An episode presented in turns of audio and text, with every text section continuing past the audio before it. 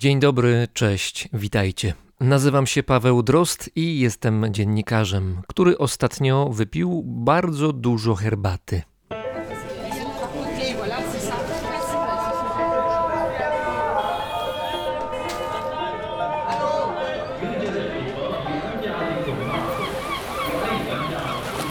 Brzmienie świata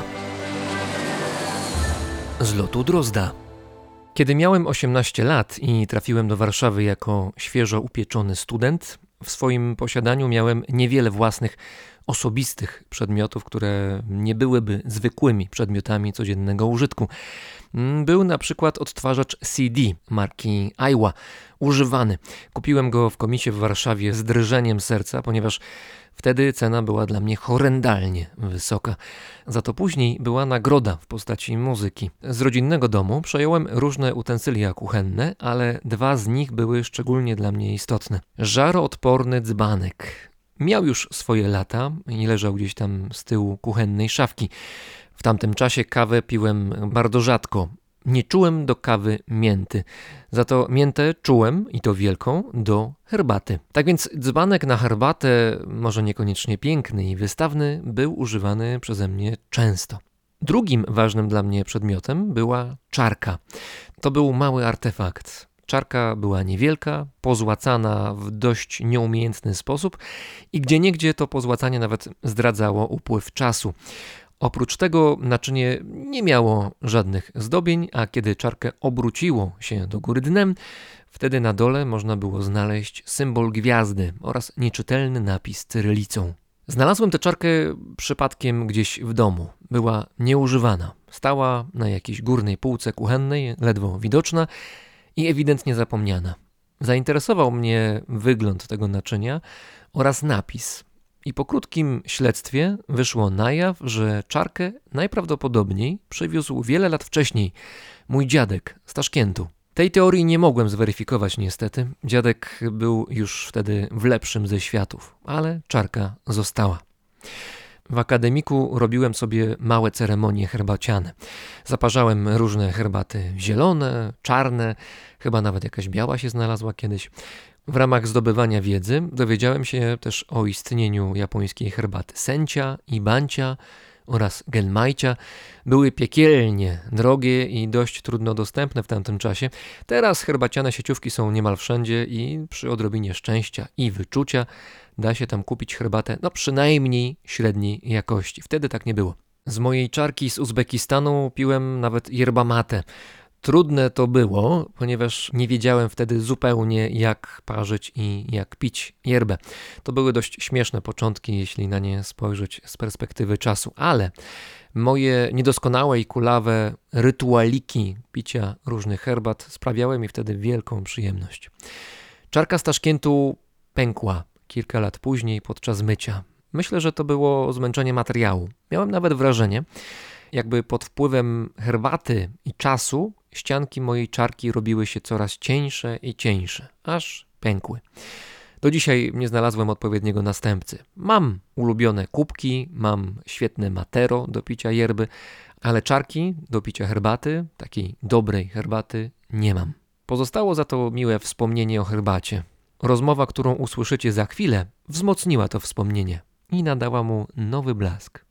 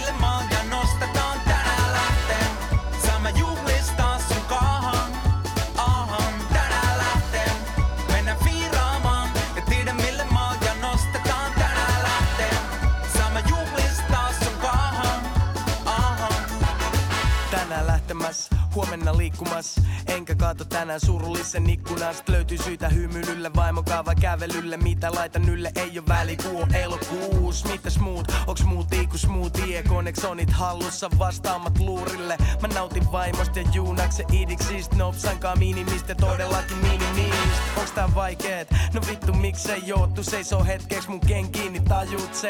En mä leiju, mut mietin mun luukkiin. Ja jos mä laulan, niin teille ei pysy suut kiinni. Ja ain väärin sävelis, mut pätevis ku Fellini kameransa kaa. Komppaama sankaa, vankaa on suoritus, mut saletisti rankaa. Jos kerta tänään lähtee, niin lähtekö?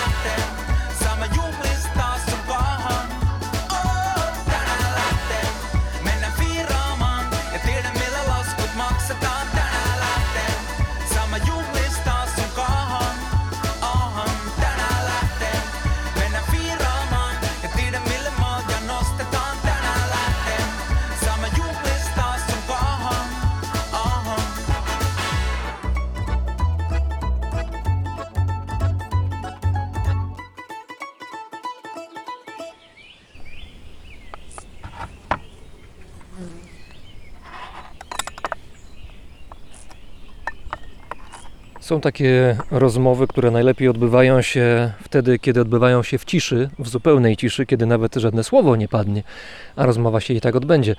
Mam jednak nadzieję, że to nie będzie jedna z tych rozmów, bo gdyby tak było, to będzie to nagranie dosyć jednak monotonne. Jesteśmy sobie na trawie, właściwie na kocyku, który na trawie się znajduje, a trawa się znajduje na jakiejś polance gdzieś pod Warszawą, a razem z nami jest współzałożyciel Towarzystwa Pełnej Czarki, autostrony Zielona i Czarna oraz jak sam o sobie mówi herbaciany freak, czyli Iwan Sicko. Dzień dobry. Miło mi dzisiaj się spotkać z Wami przy herbacie. No właśnie, bo mamy herbatę tutaj przed nami, to znaczy mamy utensylia do herbaty i z tej herbaty będzie herbata właściwa, czyli płyn, który sobie z przyjemnością wypijemy. To może o tym, co masz przed sobą. Y, Rozpoznaję dwa gatunki czy rodzaje herbaty, właściwie rozpoznaję, to znaczy widzę, że one są różne. Dzisiaj wybrałem te dwa rodzaje herbaty nie przypadkowo. Gyokuro, japońska herbata, która się tłumaczy jako szlachetne krople rosy lub jadowitowa rosa. Ciemnozielona w małych kawałeczkach, wygląda jak kawałki jakiejś trawy. Takie igiełki, bym powiedział, rzeczywiście bardzo ciemnego koloru. Czasami nefryt ma taki odcień. Druga herbata to jest puer z prowincji Yunnan, e, czyli z Chin. E, Wygląda trochę jak węgiel, tylko taki bardziej brązowy. Tak, e, w zasadzie mówienie puer z prowincji Yunnan to jest trochę jak masło maślane, bo puer to jest nazwa herbat, które produkowane są w szczególny sposób i wytwarzane w tym rejonie Chin, w tej prowincji i nazwa ta pochodzi od miejscowości Puer, które się znajduje w tej prowincji.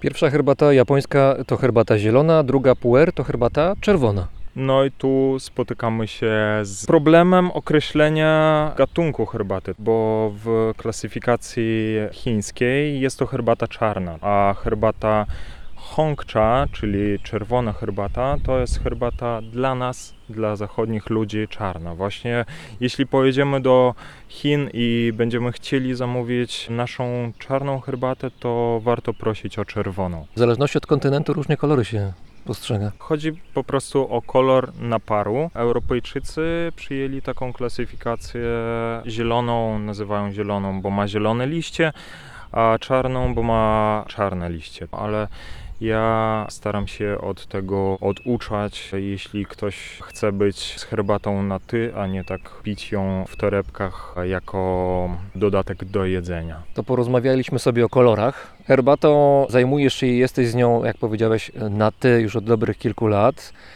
Czy ty jesteś już na takim etapie zaawansowania herbacianego, że podobnie do sommeliera, który wina potrafi dokładnie ocenić, że to rosło na takim stoku, w takim miejscu, wtedy był zbiór, czy jesteś w stanie na podobnej zasadzie ocenić skąd jest ta herbata. O, tutaj czuję, że to było gdzieś tak pod koniec marca zbierane, gdzieś tak około południa. No dobra, 11.30 raczej.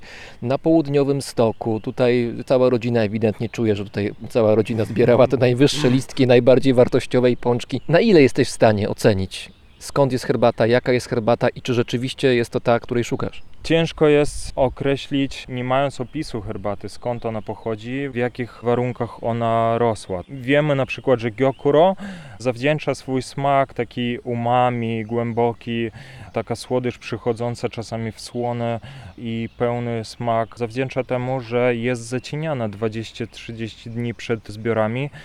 Eee, Ale jak to zaciniana? Przychodzą ludzie z parasolką i stoją nad krzaczkiem? Nie do końca. Kiedyś tradycyjnie były używane maty bambusowe do tego, żeby zacieniać herbatę. Teraz są to raczej takie specjalne materiały, które w zależności od materiału mogą przypuszczać 30% światła, tak, czyli 70 zatrzymują, albo nawet tam do 10% światła tylko przypuszczają. To powoduje, że herbata zaczyna jak najwięcej pobierać z ziemi. Staje się dzięki temu bardziej wyrazista, więcej jest w niej też teiny, czyli kofeiny. Jeśli ją prawidłowo zaparzyć, to tej goryczy nie odczujemy. Wytłumacz przy okazji jedną rzecz, to znaczy kwestia teiny i kofeiny. Herbacie jest teina, w kawie jest kofeina, ale tak naprawdę w herbacie też jest kofeina, tylko ona nazywa się teina. Co więcej, tak jak ja wyczytałem, wielokrotnie można spotykać herbaty, które tej teiny łamane na kofeinę mają nawet więcej niż standardowa kawa.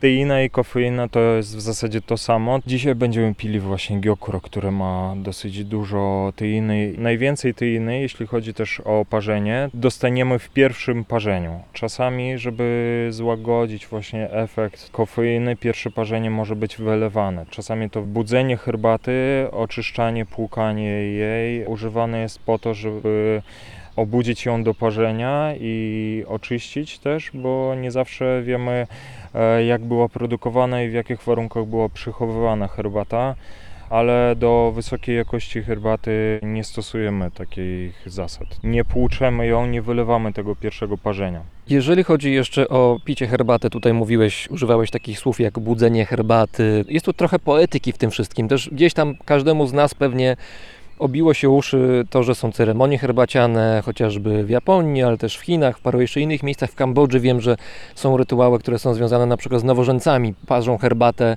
tradycyjnie specjalną po to, żeby ją podarować niejako symbolicznie na przykład swoim przodkom. Więc tych ceremoniałów różnych, w różnych miejscach świata związanych z herbatą jest trochę.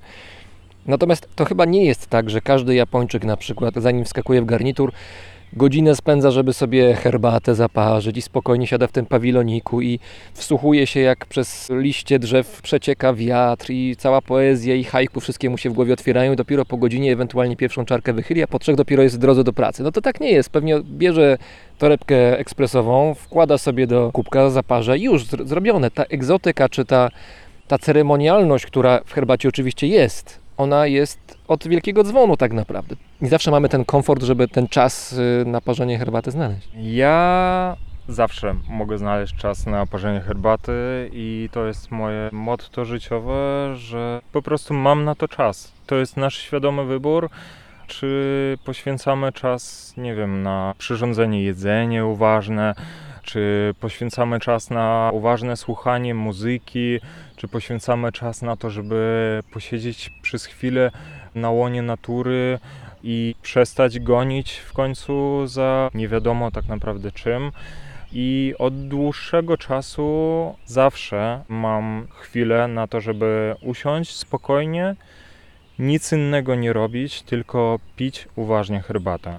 Najczęściej z bliską mi osobą, najczęściej herbatę, którą lubię, A jaką lubisz? to zależy od sezonu też. E, Lubię sezonowo pić herbatę, bo herbata też wpływa na organizm.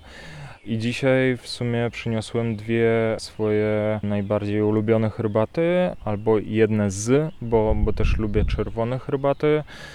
Lubię puer właśnie, taki prawdziwy. Tutaj akurat mamy puer z Jingmao z 2016 roku. Czyli rok ma znaczenie, jak w winie.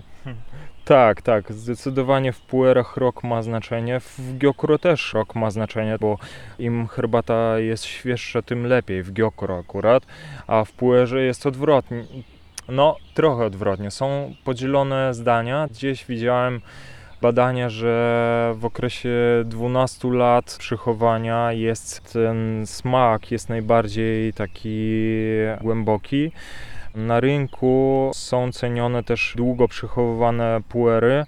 Trzeba wspomnieć o tym, że są sheng i shu puery, czyli surowe puery shęgi i takie ciemne, akurat teraz poddawane procesu wodui, takiemu przyspieszonemu procesu fermentacji. Kiedyś shu puer to był po prostu sheng puer przechowywany przez bardzo, bardzo długo i właśnie uzyskiwał taki smak. Często ludzie kojarzą niestety puer ze smakiem ryby albo niezbyt ciekawej ziemi. Owszem, puer nabiera ziemistości, czasami są to nuty drzewiaste, ale dość często można doszukiwać się w puerze jakichś nut suszonych owoców, daktyli albo właśnie e, nuty orzechowe mogą się pojawić. To jest poezja. Kto co może odczuć e, w tej samej herbacie. Warto właśnie się spotykać przy herbacie, żeby dzielić się tymi wrażeniami, które płyną e, z doświadczenia herbaty. Wspomniałeś tutaj ważne słowo, to znaczy uważność. Ta uważność właśnie stoi za ceremoniałem, za rytuałem, za tym, żeby zwolnić i pewne rzeczy rozłożyć w czasie, żeby ten finał w ogóle, wielki finał w postaci picia dobrej herbaty nastąpił. I ten element uważności związanej z herbatą, ty też wykorzystujesz nie tylko jako element codzienności, którą praktykujesz, ale wykorzystujesz też jako element dodatkowy, wspomagający w terapiach psychologicznych. Na czym to polega? Jak to działa? Jest takie powiedzenie, że herbata łączy wszystkich pod niebem. Ja zawsze nawiązuję do tego, że przy herbacie każdy jest równy, bądź to cesarz lub zwykły farmer, który siada się napić herbaty. Dla herbaty każdy człowiek jest taki sam. I taka świadomość tego, że wszyscy jesteśmy ludźmi, jesteśmy jakby częścią czegoś większego. Ktoś mówi, że jesteśmy wibracją, ktoś mówi, że jesteśmy energią. I właśnie podczas uważnego picia herbaty, podczas takiego spotkania herbacianego, czas na chwilę się zatrzymuje i powstaje przestrzeń do tego, żeby się spotkać, żeby być sobą, żeby porozmawiać o ważnych tematach albo pomilczeć, albo podziwiać chwilę. Weźmijmy czarki herbaciane, które zostały stworzone przez ceramika, który włożył w to czas, herbata, która do nas dotarła z dalekich krajów. To wszystko powoduje, że doceniamy tą chwilę, którą przeżywamy i przeżywamy ją razem. I tak, regularnie w Instytucie Psychiatrii i Neurologii odbywają się spotkania przy herbacie, gdzie jest to rodzaj grupowej terapii. Ja nic nie wymagam od ludzi. Nie wymagam od nich, żeby oni się znali na herbacie, żeby, nie wiem, zanotowali albo zapamiętali to, co ja im opowiem. Czasami siedzimy w milczeniu, czasami ktoś ma jakiś temat e, w ogóle niezwiązany z herbatą. Może to jest profanacja i tego nie można nazwać ceremonią, tak? Bo ceremonia jednak powinna się koncentrować na tym, co przeżywamy w danej chwili i w ogóle ceremonia jest czymś takim ważnym i odświętnym, ale takie wspólne picie herbaty dopuszcza, że każdy może być taki, jaki jest. I w tej chwili powstaje akceptacja dla takiej osoby. Jest dla tej osoby miejsce i to jest bardzo kojące i bardzo budujące uczucie. Może e, przerwę na herbatę. Dobrze, oczywiście. Zacznę od herbaty Gyokuro. Przed zaparzeniem rozgrzeję e, shiboridashi. W tym momencie przelewam wodę do shibo, które zostało stworzone przez Zuzannę Szafrankę z Czech. I ponieważ Gyokuro to jadejtowa rosa, tak, szlachetne krople rosy, to będziemy pili dosłownie na krople tą herbatę. To mogłeś mnie uprzedzić, to bym się napił wcześniej jakiegoś Liptona, a nie tak.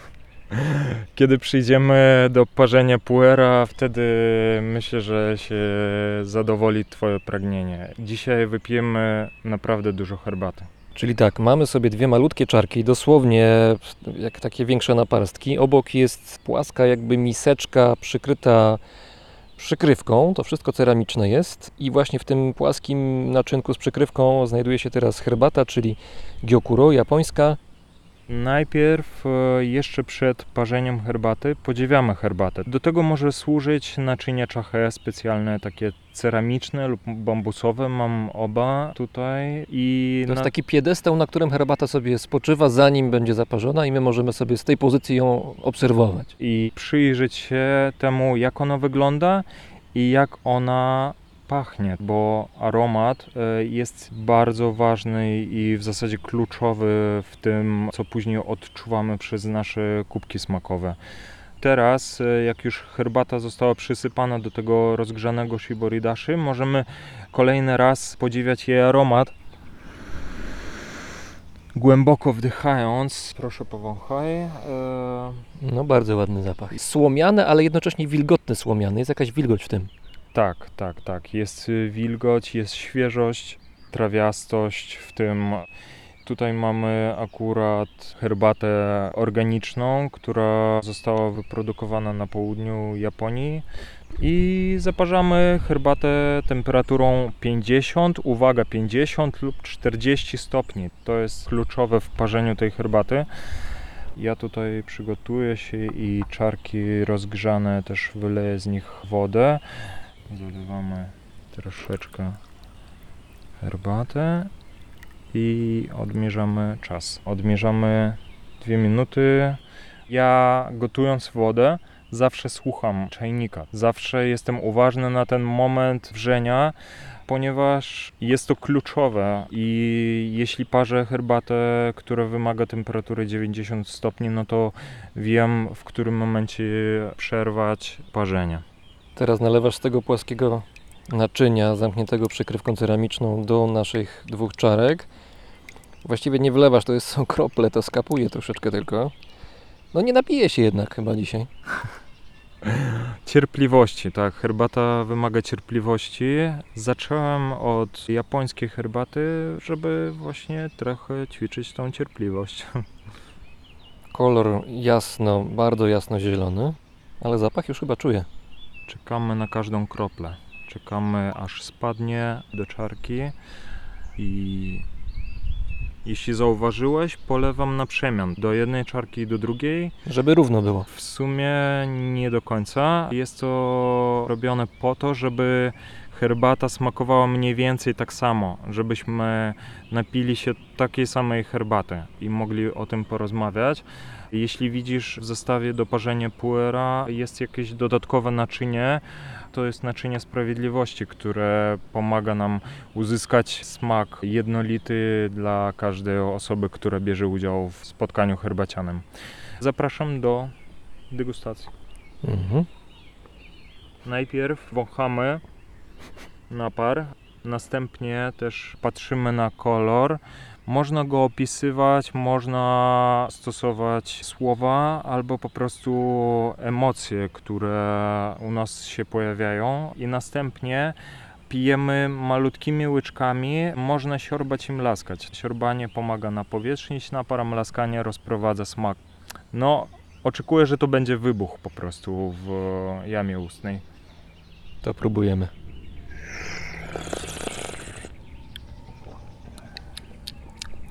No, muszę powiedzieć, że to na mnie zrobiło wrażenie. Gyokuro kiedyś piłem, ale nie takie. Mm. Tutaj nadchodzi moment, kiedy możemy spróbować opisać to, co czujemy w ustach. Możemy spróbować opisać to na zasadzie skojarzeń. Ja na przykład poczułem od razu pestki dyni. Gdzieś w tym smaku mogę powiedzieć, że smak bardziej jest skoncentrowany w średniej części języka i po bokach. Jest dosyć oleisty i gęsty, Czuję słodycz powracającą taką u nasadu języka w gardle w zasadzie. Dla mnie niesamowite jest to, że ta gorycz, która się pojawia podczas picia, ona się pojawia na dosłownie sekundę, dwie i znika. Niezwykłe to jest zupełnie. Zwykle takie goryczki trwają dłużej, a to jest moment. Dla mnie, wracając do dobrej herbaty, to jest dobra herbata.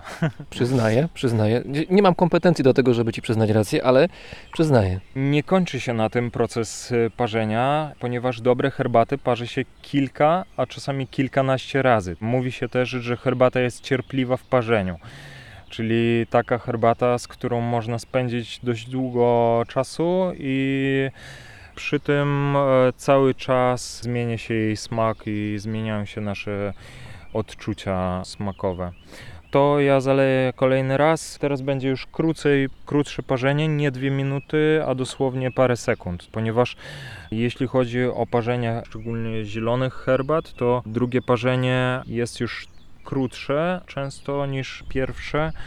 Nie zawsze, ale właśnie w Gyokuro jest to zawsze, ponieważ liście już są gotowe do dzielenia się z nami tym smakiem.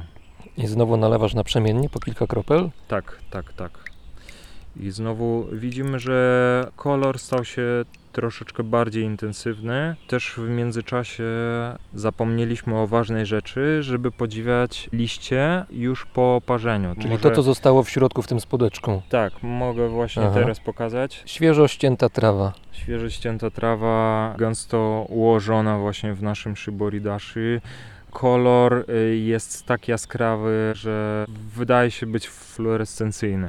Zapraszam do kolejnego podziwiania herbaty.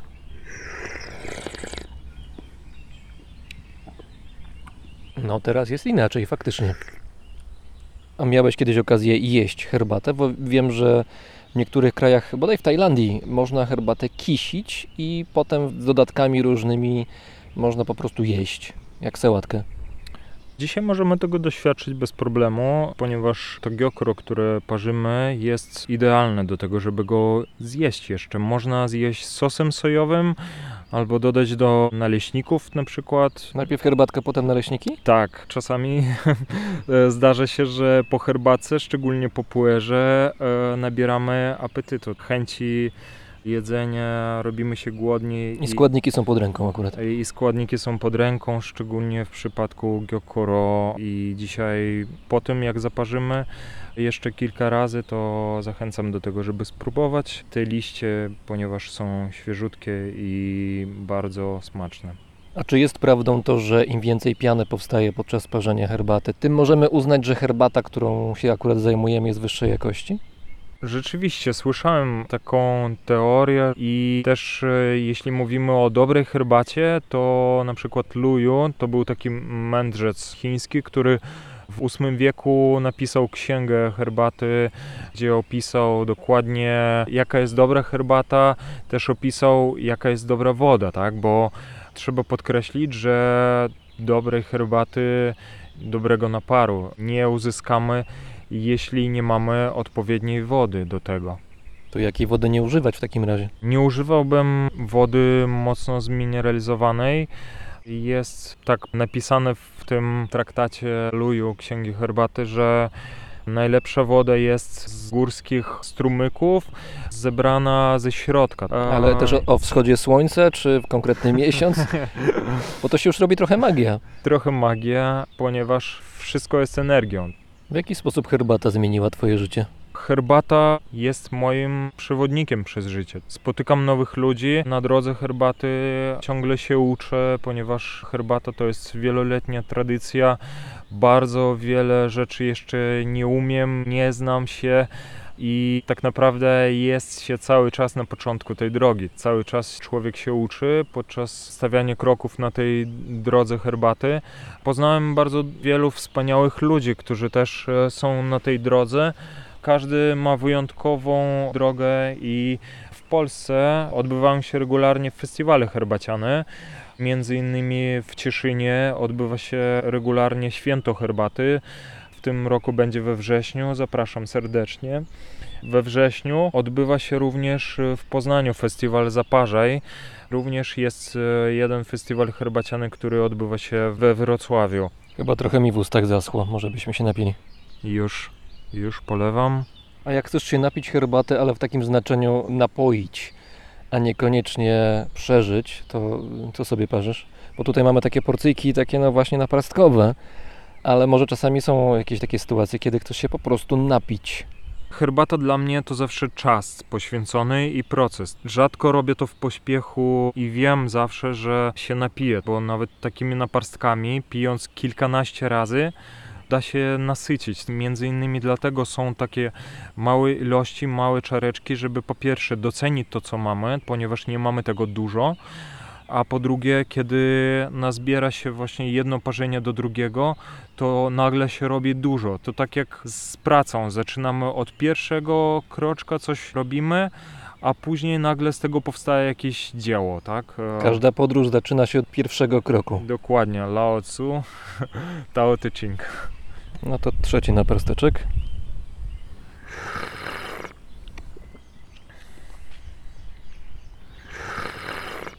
Jak piją herbatę w Wietnamie, tam gdzie byłeś, podczas swojej herbacianej podróży niedawno?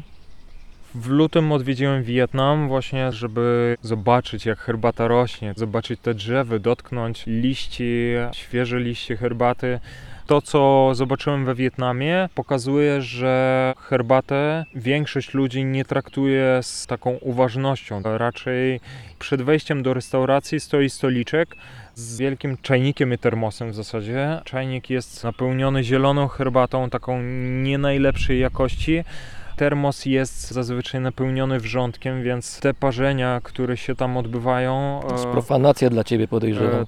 Trochę tak, a trochę nie, ale przez znajomych spotkałem ludzi herbaty. Ludzi, którzy zajmują się herbatą na co dzień, parzą wyjątkowe herbaty wietnamskie, też wytwarzają wietnamskie herbaty jakościowe. Byłem w dwóch herbaciarniach i e, jednym takim e, biurze gdzie odbywają się warsztaty herbaciane i tam ludzie parzyli gong fu cha, parzyli bardzo dobrej jakości herbaty, więc można się spotkać we Wietnamie z tym, że herbatę traktuje się z szacunkiem, ale na co dzień pije się tak po jedzeniu, czasami w trakcie palenia papierosu, czasami w czarkach po wódce. Napijmy się kolejny raz. Gyokuro. Herbata jest wbrew pozorom bardzo popularną rośliną, bo nie tylko Azja Wschodnia i Azja w ogóle, ale duża część Afryki, szczególnie środkowej, częściowo Ameryka Południowa nawet i nawet były takie momenty, kiedy byłem w Związku Radzieckim, y, próbowano zaszczepić tę herbatę na różnych terenach. I wiem, że znasz jedno takie miejsce co najmniej na Ukrainie, gdzie herbata również występuje w formie właściwie dzikiej. Tak, to miejsce nazywa się Mukaczewo. Tam była odnaleziona plantacja, która kiedyś w Związku Radzieckim była eksperymentem i w tym momencie parę moich znajomych z Polski przed tą zimą jeździło na Ukrainę, żeby ochronić te krzewy przed przymrozkami, przed zimą. Są to dziko rosnące, to znaczy w tej chwili dziko rosnące, bo porzucone krzewy. e, A ktoś z tego robi herbatę, to znaczy zbierane są liście i są parzone?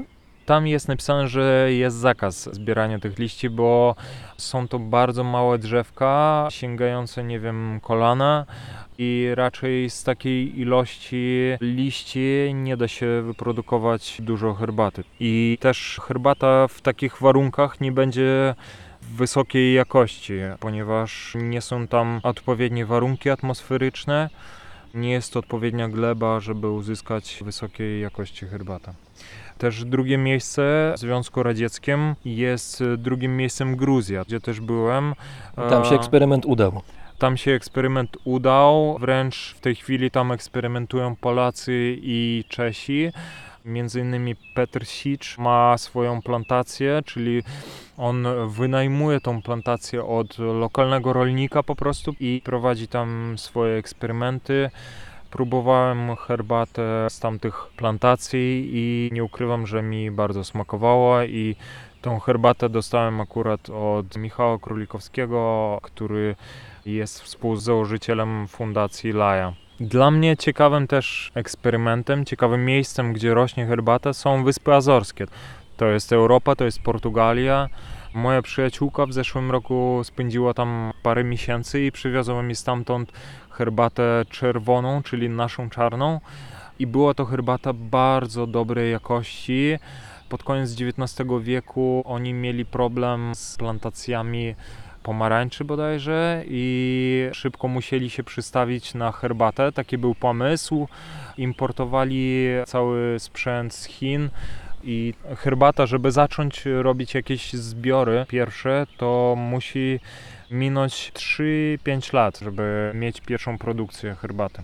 To jest trochę historia podobna do Sri Lanki, do Ceylonu dawnego, gdzie w połowie XIX wieku świetnie tam sobie radziły jeszcze plantacje kawy, ale pojawiła się choroba, która zdziesiątkowała, właściwie zniszczyła uprawę kawy zupełnie i Brytyjczycy w ramach swojej przedsiębiorczości stwierdzili, że w takim razie skoro nie kawa to herbata i dzisiaj Ceylon jest potentatem na skalę światową. To prawda. Wspomniałeś o kawie. Powrócę do Wietnamu, że we Wietnamie jest bardziej rozpowszechniona kultura picia kawy. Pije się kawę z koglem moglem, pije się kawę... Naprawdę? Z, e, naprawdę. Pije się kawę z mlekiem kokosowym i są to bardzo ciekawe doznania smakowe. Polecam. Przywieźliśmy trochę kawy, e, więcej oczywiście przywieźliśmy herbaty.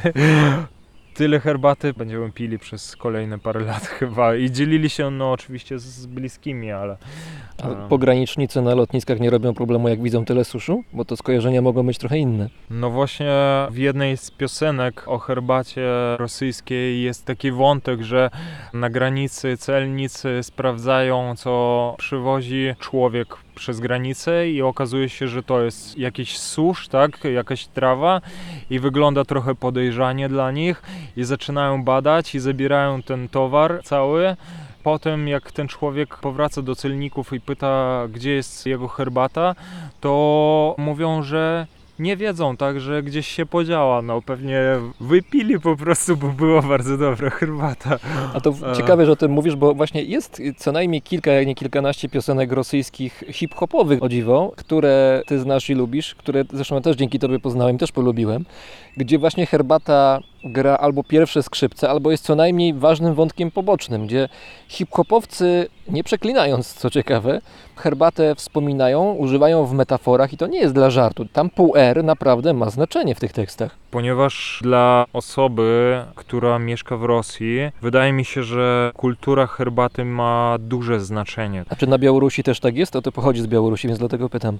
Na Białorusi też staje się to popularne. Na Białorusi można, tak jak w Polsce można kawę wziąć na wynos, tak samo na Białorusi można kupić herbatę na wynos taką dobrej jakości, tak, zaparzoną z fusów, zaparzoną w prawidłowy sposób. Czyli, e, czyli nie Lipton. E, nie Lipton. Jest rzeczywiście taki trend, który wiąże się też z duchowością. Między innymi myślę, dlatego że to się wiąże z duchowością, to nie ma w tych piosenkach przekleństw, bo odbiorca tych piosenek jest człowiek uduchowiony. Owszem, te piosenki są też trochę żartobliwe, ale często nawiązują do takich tematów codziennych związane są z prawdą życia. Jakie mamy wartości, co doceniamy, to jest tematem przewodnim tych piosenek. To może skończmy Gyokuro i się przerzućmy na Puera, bo mam na niego coraz większą ochotę. Tam sobie leży obok, widzę. Dobra, ale przed tym e, zachęcam do e, spróbowania gyokuro, jak smakuje sam liść, tak? A, tak, czyli będziemy teraz, najpierw pijemy, teraz posiłek za chwilę. Dobra? Tak jest.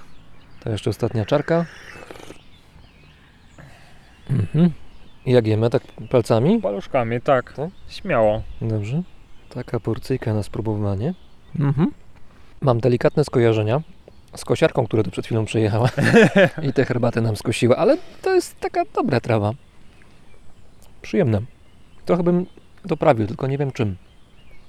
Może sosem sojowym, tak O. jak mówiłem, tak? Mhm. To przyrzucamy się na puer. Tak jest. To jest herbata już ciemniejsza, ona jest w kawałkach, ona była chyba w takim brykiecie, prawda? Wcześniej pokruszona. Tak, herbata puer często ma różne kształty. Najczęściej jest to sprasowana herbata, aczkolwiek spotykają się też herbaty sypane. Taka najstarsza forma w ogóle to są takie placki herbaciane, które mają wagę 357 gram. Kiedyś herbatę stosowano jako środek wymienny w handlu, Jako waluta. e, jako waluta. W zamian za koni dawało się herbatę. Czyli ten koń kosztuje 15 placków puera. No, coś w tym stylu. Tylko te placki były połączone w takie pakunki po 7 placków w jednym i to było około 2,5 kg. I 2,5 dzielimy 7, mamy mniej więcej 357 gram. Tybetańczycy są znani e, z tego, że hodowali konie i później te konie sprzedawali Chińczykom, wymieniali to na herbatę. I tą herbatę w Tybecie na przykład się pije z masłem jaka. To teraz posłuchajmy może piosenki, rosyjskiej piosenki hip-hopowej o herbacie puer, a my tutaj się przygotujemy do parzenia drugiego rodzaju herbaty podczas tego naszego tutaj miłego posiedzenia na łące.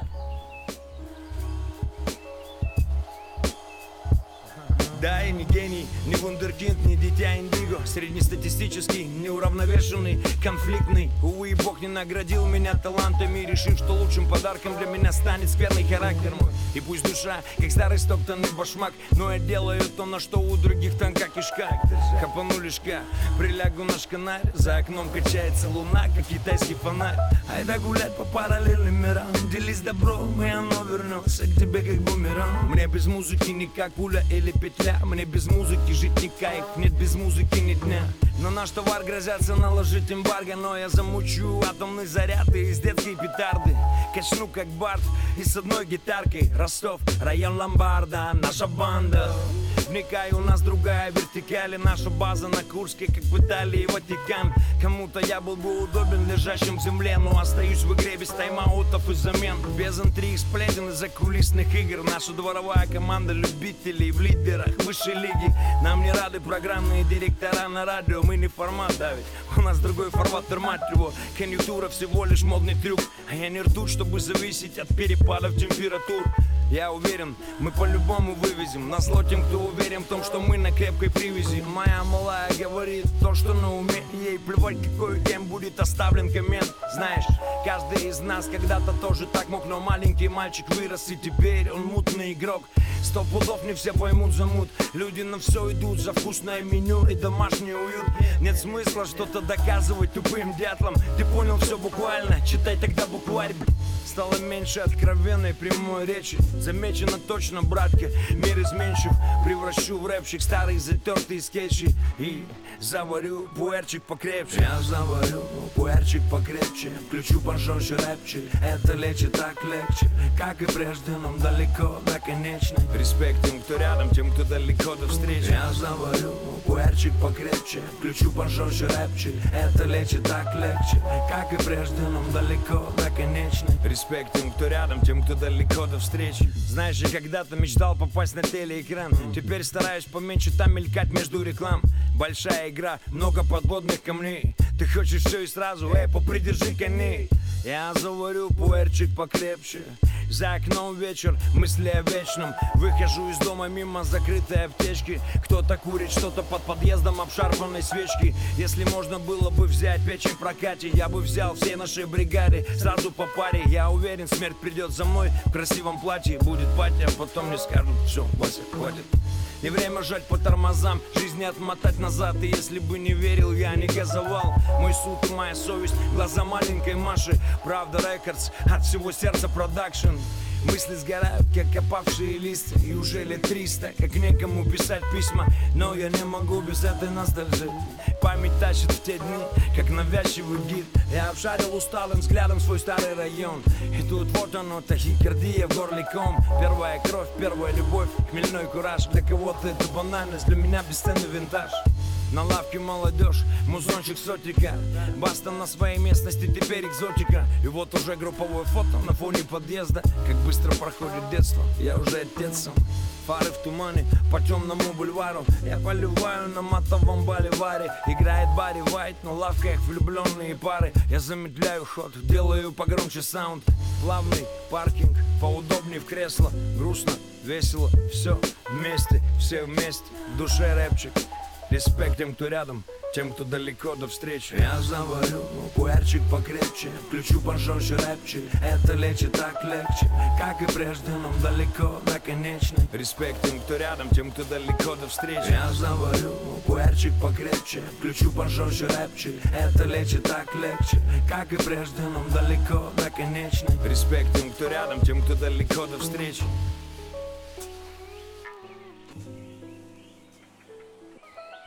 Jak parzyć gyokuro to już wiemy dokładnie, nawet wiemy jak zjeść troszeczkę jak ktoś głodny, a jak to z puerem. Puer można parzyć metodą luju, czyli gotować puer, a można również parzyć w taki tradycyjny sposób w czajniczku lub w shiboridashi. Dzisiaj będziemy parzyć w shiboridashi.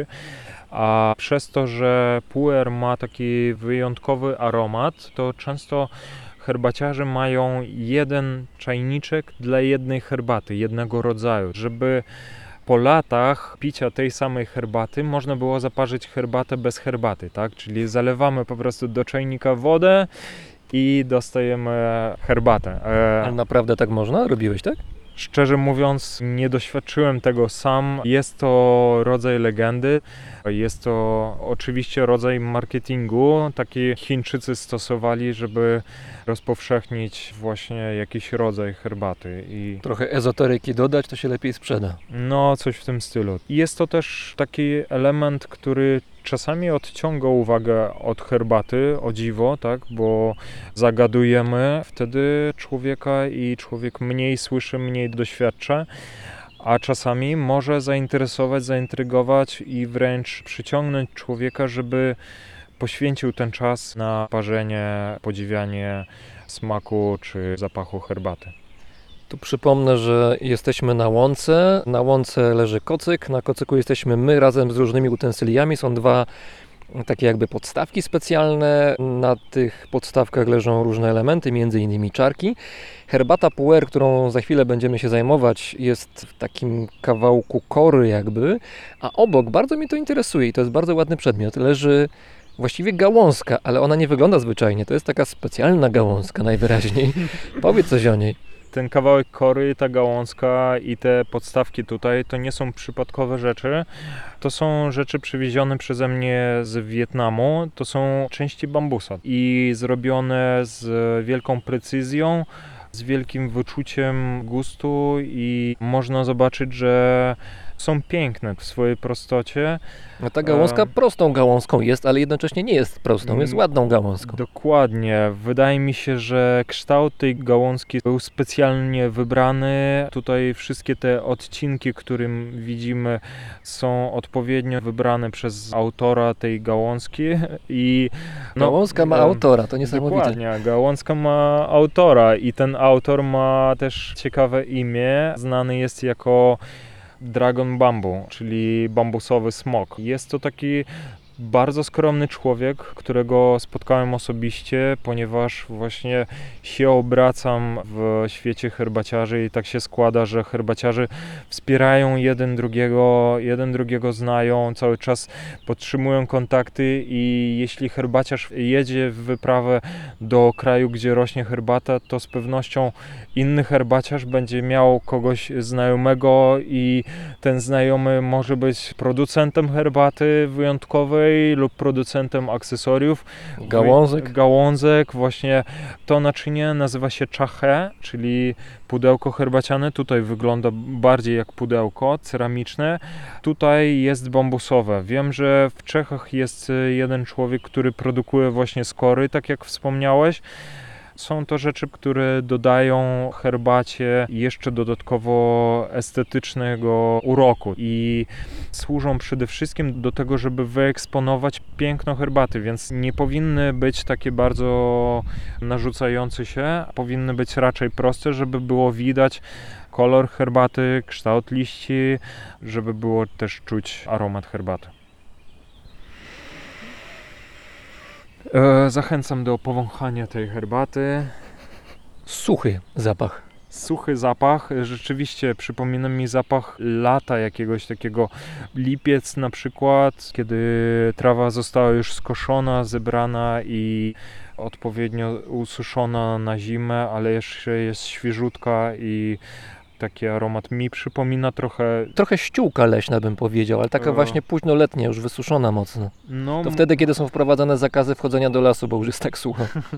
Tak, może tak być. Mi trochę się kojarzy z moim dzieciństwem, ponieważ lata w dzieciństwie spędzałem babci na wsi, gdzie właśnie było dużo natury, obcowanie z naturą i było zawsze koszenie trawy i jakoś robienie zapasów na zimę dla krowy lub świni. No dobrze, to musimy To, teraz się zabrać za tego puera. Zabieramy się za puera, ponieważ już powąchaliśmy tą herbatę, to teraz tutaj rozgrzejemy naczynia.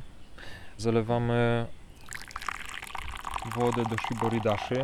Przypomnę jeszcze, shiboridashi to jest to naczynie, które jest taką dużą czarką, tylko że nie jest czarką, bo tam się wlewa wodę, zanim połączy się wodę z herbatą, po to, żeby, jak rozumiem, ta woda w tym właśnie shiboridashi przyjęła odpowiednią temperaturę. I jest to dodatkowo taka czarka o płaskim kształcie. Chińskim odpowiednikiem shiboridashi może być gaiwan. Shiboridashi różni się tym, że właśnie jest bardziej płaskie i ma też dzióbek tutaj, można zaobserwować, czyli wskazuje nam z której strony zlewać tą herbatę. Jeśli kojarzycie gaiwan, to jest właśnie taka czarka z pokrywką, która nigdy nie przylega do końca, to gaiwan jest ze wszystkich stron taki samy i można zlewać w zasadzie z dowolnej strony. Tutaj mam jeszcze taką zabawkę herbacianą, tipet nazywa się. Zwierzak herbaciane w kształcie żółwia. tak, to jest żółw i żółw jest moim patronem herbacianym. Specjalnie go dzisiaj zebrałem. Nie zawsze on ze mną podróżuje, a jednak gdzieś w sercu zawsze mam jego parząc herbatę, ponieważ żółw jest symbolem długowieczności i powolnego dążenia do celu. Tam, gdzie sobie wyznaczył, tam dotrze i nie musi się śpieszyć. Lepiej jest żyć swoim życiem, podziwiać codzienność życia i to daje taki spokój ducha. Więc to jest żółw pijący herbatę akurat. Tak, właśnie w tej chwili my go będziemy częstować e, tą herbatą. Herbata ty jest tego- gorąca. Ty go oblewasz herbatą. E, Ja go oblewam herbatą. E, Wśród pasjonatów herbaty można spotkać na przykład żabę, która trzyma w buzi monetę i ta żaba ma przynosić bogactwo. Jest taka legenda, że był złodziej, rozrabiał, właśnie okradał ludzi i ludzie się zwrócili do Boga albo do Buddy, nie wiem, żeby coś z tym zrobił i to bóstwo przymieniło tego złodzieja w żabę, która miała zbierać te monety, żeby oddawać tym ludziom, żeby w momencie, kiedy będzie oddana ostatnia moneta, to ta żaba znowu miała się obrócić w tego człowieka. Może teraz wymyśliłem nieco końcówkę, ale na tym polegają legendy, tak, że jedna osoba opowiada, druga coś dodaje od siebie i tak właśnie też wymyśliłem jedną legendę o też już legendarnej herbacie Da Hong Pao. Da Hong Pao to jest wielka czerwona szata, tłumaczy się i to jest herbata, która jest jedną z najbardziej znanych i legendarnych herbat. Legenda o tej herbacie mówi, że pewien urzędnik wybrał się do miasta, żeby zdać egzaminy i otrzymać możliwość rządzenia w swojej prowincji i po drodze niestety stracił przytomność. Odnalazł go mnich, który podał mu herbatę z krzewu, który rósł obok, zaparzył mu i człowiek, ten urzędnik powrócił do przytomności, dojechał do miasta, zdał egzamin i jako symbol władzy dostał taką wielką, czerwoną czy purpurową szatę i w znak podziękowania za uratowanie życia, w znak wdzięczności ten człowiek przybył do klasztoru, do tych mnichów, chciał dać w prezencie mnichom tą szatę. Na co mnisi powiedzieli, że to herbata cię uratowała i że możesz okryć tym płaszczem krzew herbaciany. Są cztery słynne krzewy herbaciane da Hong Pao, które rosną w prowincji Fujian w górach Wui. I to już nie jest legenda. To nie jest legenda, to jest prawda i herbata z tych krzewów teraz nie jest wytwarzana od jakiegoś czasu, a w 2005 bodajże roku 20 gram tej herbaty było sprzedane za 20 tysięcy dolarów, tak mi się pamięta. Herbata właśnie potrafi tak kosztować.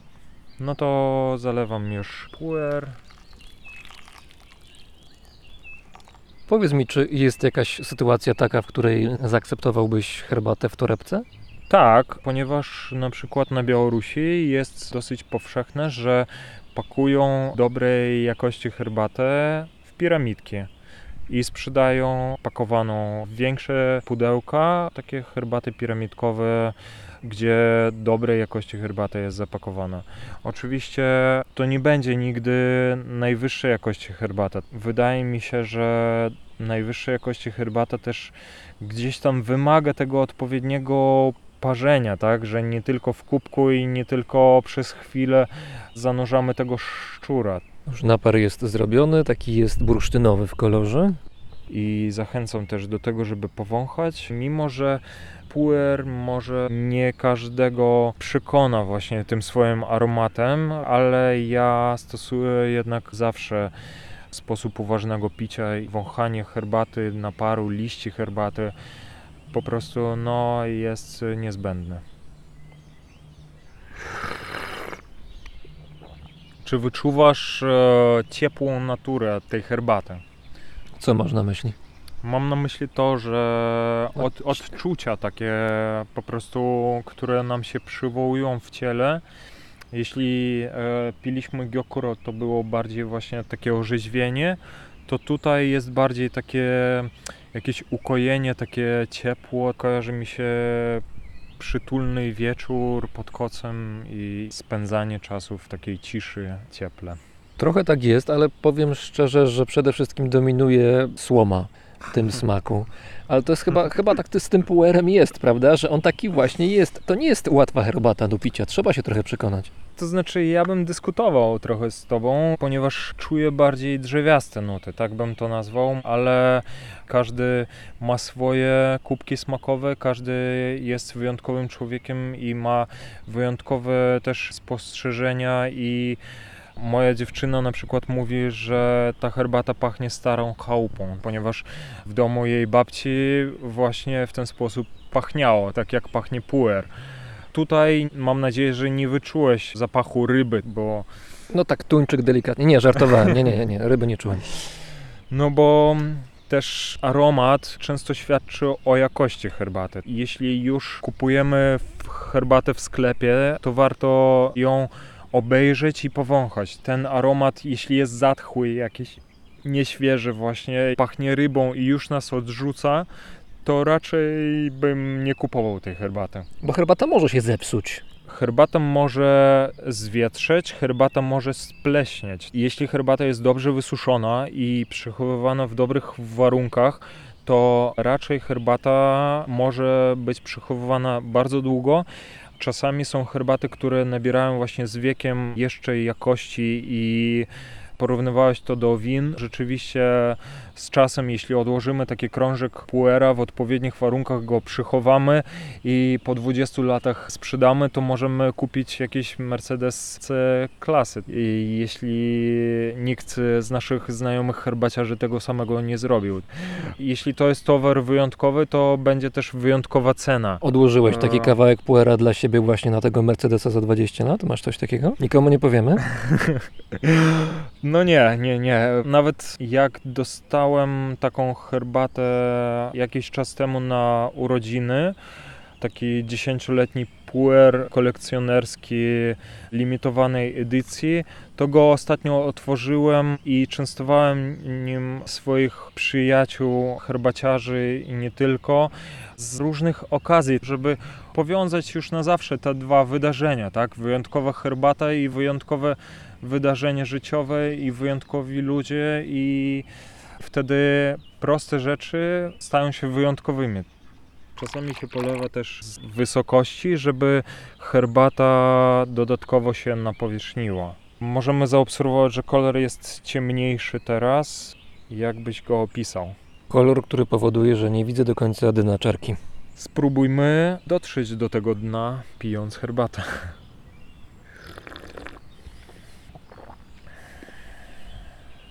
Puer słynie tym, że można go parzyć nawet kilkanaście razy. Parzenia zazwyczaj są krótkie dosyć, ponieważ gdybyśmy zaparzyli dłużej, no to byłoby więcej po prostu goryczy, mniej subtelnych tych nut. Próbujesz złapać dźwięki naczyń. Chciałbym zauważyć, że, że to jest też e, rodzaj uważności, ponieważ w momencie, kiedy parzymy, też obserwujemy, jakie dźwięki powstają. Dźwięk e, spadającej wody, dźwięk pokrywki dotykającej shiboridashi. To wszystko może być rodzajem uważności. I też jeśli jesteśmy uważni, to tych dźwięków jest bardzo mało. To są jak kroki, tak? Możemy stawiać kroki, bardzo głośno chodzić jak słoń i wtedy czujemy takie duże napięcie. To może nas wyprowadzać z równowagi. A jeśli wszystko odbywa się w takiej ciszy i nie słychać prawie dźwięku, jest tylko szum tej przylewającej się herbaty, to wtedy w naturalny sposób e, wytwarza się harmonia. I można też poczuć, że człowiek, który parzy, też ma ciszę w sobie. Napijmy się herbaty. Rodzina czasami nie zwraca ci uwagi, że siorbiesz tak głośno? Nie, ponieważ wytłumaczyłem im. e, Nauczyłeś. I jest praktycznie wytłumaczenie, dlaczego to się robi. Że siorbanie na powierzchnię, na para mlaskanie rozprowadza smak i po prostu zawsze już to robię, jeśli piję uważnie herbatę. Niektórzy nie mogą się przekonać do tego. To jest kulturowo często blokowane gdzieś w naszym ciele takie zachowanie. Jest jeszcze sposób podwójnego siorbania. Podwójne siorbanie. podwójne- W duecie? Podwójne siorbanie? Nie, nie, nie. Teraz będę siorbał sam Mhm. i pokażę jak to się robi. Najpierw siorbiemy w momencie, kiedy nabieramy herbatę. To może najpierw pokaż to takie klasyczne siorbanie, a potem to podwójne. Dobra, to klasyczne jest takie. Z mlaskaniem. A takie podwójne to brzmi tak. No to profesjonalnie zabrzmiało.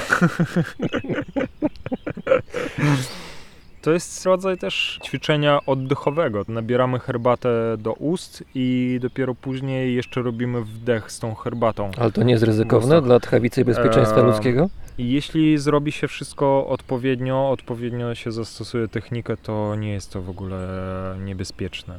Jest to rodzaj ćwiczenia po prostu. Ta herbata w tym naczynku, w którym parzysz co chwilę puera, w momencie, kiedy nie ma tam wody, to wygląda jak takie małe palanisko. Jak małe kawałki drewna, które się trochę przypaliły, ale przygasły i w każdym momencie mogą znowu, znowu złapać ogień.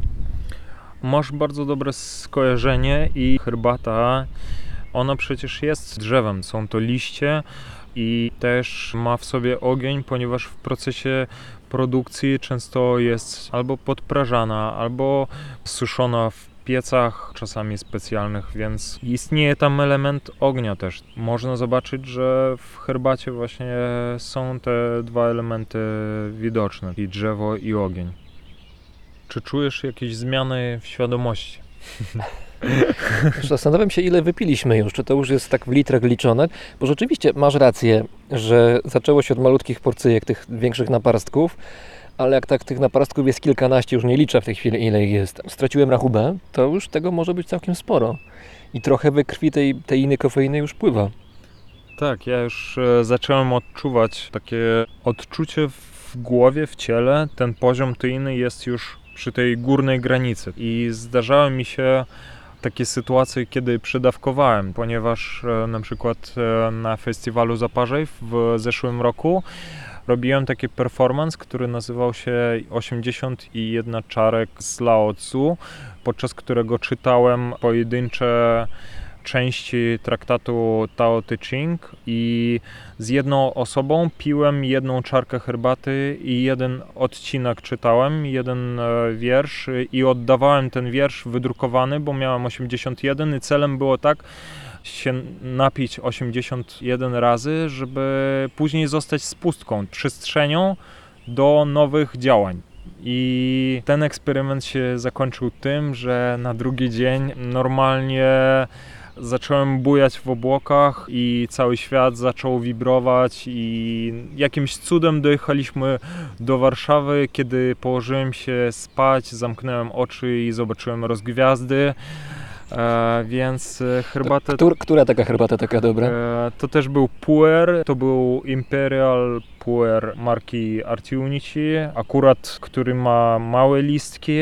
Parzyłem dosyć krótko i dość często wymieniałem ten puer, więc było dużo zawartości i jeszcze nie jadłem. Zalecam przed herbatą e, zjeść. tak? Zakąszać. Tak, w trakcie można coś tam przygryzać, jakieś suszone owoce lub orzeszki są mile widziane przy takim dłuższym posiedzeniu przy herbacie. Nigdy nie polecam pić herbatę na pusty żołądek, tak? E, najlepiej pół godziny po posiłku, wtedy ona wspomaga trawienie, łagodnie poprawia koncentrację i pobudza i działa przez dłuższy okres. W odróżnieniu od kawy to działanie nie jest takie, że dostajemy uderzenie, kopa i działamy, a później mocny zjazd, tylko herbata tak działa, że jeśli ją pijemy regularnie, to regularnie jesteśmy w takim tonusie, pozytywnym, aktywnym działaniu. To może, żeby nie przedawkować, nie powtórzyć Twojej historii z festiwalu Zaparzaj, to zaraz będziemy kończyć. Ale jeszcze zanim zakończymy, to trzeba wspomnieć o tym, że z herbatą jesteś tak blisko, że zacząłeś nawet słowem ją opisywać. To znaczy w rejony poezji herbacianej się udałeś. Nie ja pierwszy, ponieważ herbata od wieków inspiruje ludzi. Gdzieś ostatnio czytałem, że właśnie herbata sprzyja kreatywności. I od dwóch lat mniej więcej zacząłem opisywać swoje przemyślenia na temat herbaty, swoje spostrzeżenia dotyczące też wartości, które niesie ze sobą herbata i opisywałem też świat herbaciarzy w wierszach, wierszami po prostu. Stosowałem też elementy japońskiej poezji. Jest w tym wszystkim przekaz, który płynie z mojego serca i chciałem się tym podzielić po prostu z ludźmi. Dziękujemy. Iwan Sicko. Dziękuję wszystkim. Do zobaczenia przy herbacie.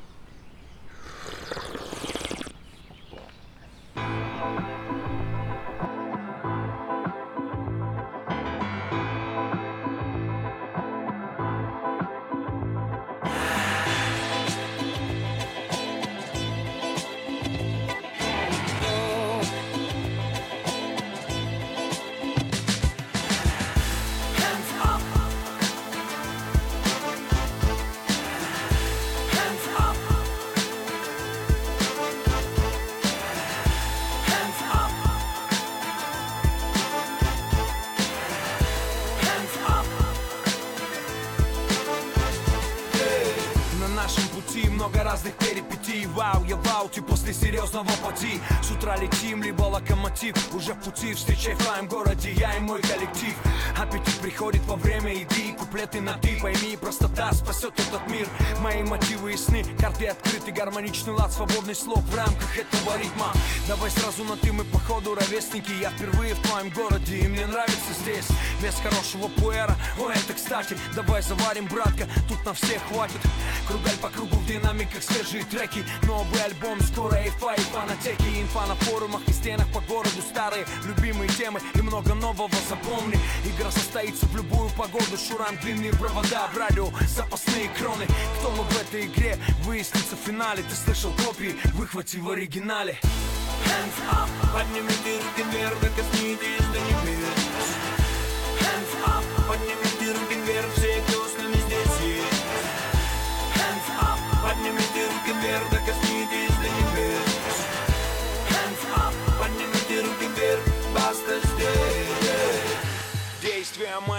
микрофона Измеряя километрами и килотоннами Просыпаются спальные районы Когда из салонов тачек громко звучит мое промо. Здесь неуместен вымысел, искажающий истину Остаться в живых не означает выстоять. Понять суть миссии не означает быть МС Не важно, как сказано, важно, что хочешь донести. Оставь рамсы за стиль барыгам на базаре. Один критерий качает, либо не качает. Вначале было слово, сколько твое слово весит. За словом дело, как ты проявишься в замесе. Кого-то злит и бесит. Смысл моих песен С кем-то я в тесных, кому-то не интересен. Но если ты здесь, а я перед тобой на сцене Значит мы в одной теме, без сомнений. По периметру на мили в заданном квадрате. Братка, равнодушным ты останешься навряд ли. И если эта тема тебя реально вставит Поднимай руки вместе с нами, слабак его сада Hands up, поднимите руки вверх, да коснитесь до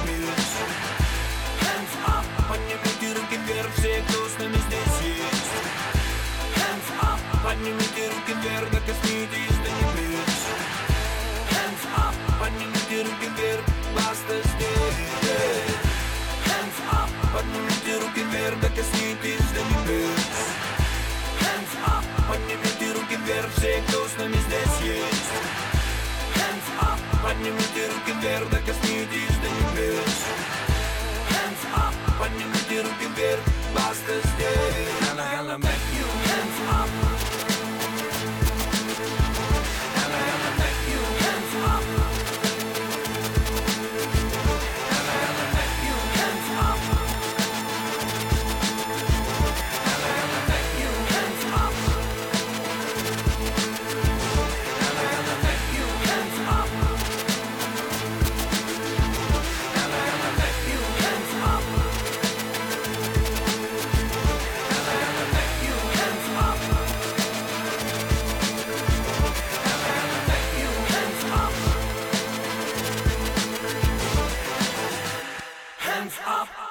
To był siódmy odcinek Brzmienia Świata z lotu Drozda. Bardzo dziękuję wszystkim, którzy przyczyniają się do tego, że mój podcast istnieje. Wszystkim, którzy pomagają dobrym słowem, komentarzem, mailem, którzy wspierają mnie na Patronite. Dziękuję za każdą wpłatę, ponieważ liczy się każda złotówka, niezależnie od tego, jak banalnie to zabrzmi. Dzięki Wam mogę pracować. Dzięki Wam brzmienie świata z lotu Drozda może brzmieć tak, jak brzmi. Znajdziecie mnie na Facebooku, Instagramie oraz na patronite.pl. Paweł Drozd, czyli ja, mówi Wam dobrego dnia.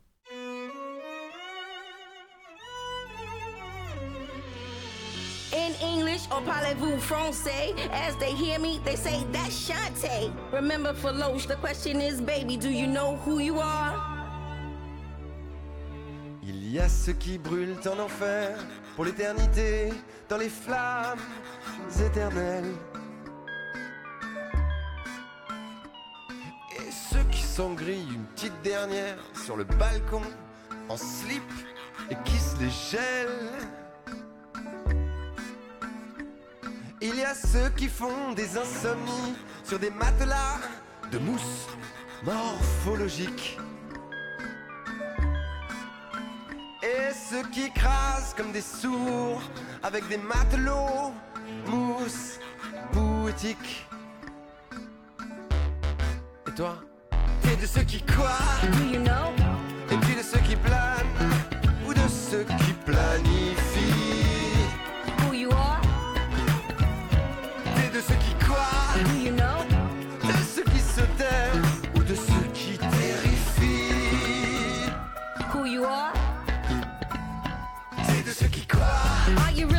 For me? The R, the O, the X, the A, the N, N, E. We're guaranteed to make you dance, whether here in the States or Paris, France. Yeah, we know who you are, and my man Feloche will make you a star. It's much, much more than a groove and a beat and a flow that'll make you wanna go and move your feet. Et puis de ceux qui poussent au hasard But the question is now, do you know who you are? Il y a ceux qui pleurent tout seuls dans le lit glacé des rivières crocodiles. Et ceux qui pissent entre potes la nuit dans les rigoles de la ville. Il y a ceux qui croissent prudemment avec les grenouilles au fond des bénitiers. Et ceux qui croissent n'importe comment parmi les roseaux en dépit du danger. Toi, t'es de ceux qui know?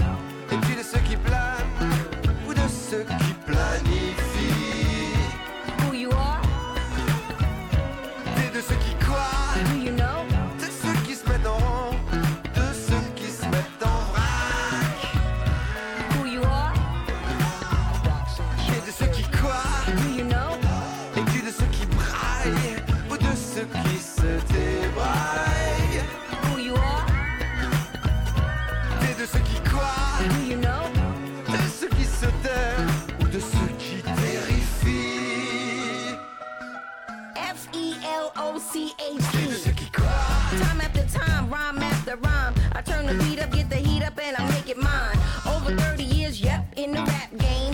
It's a damn shame that I still sound the same. They come to find me half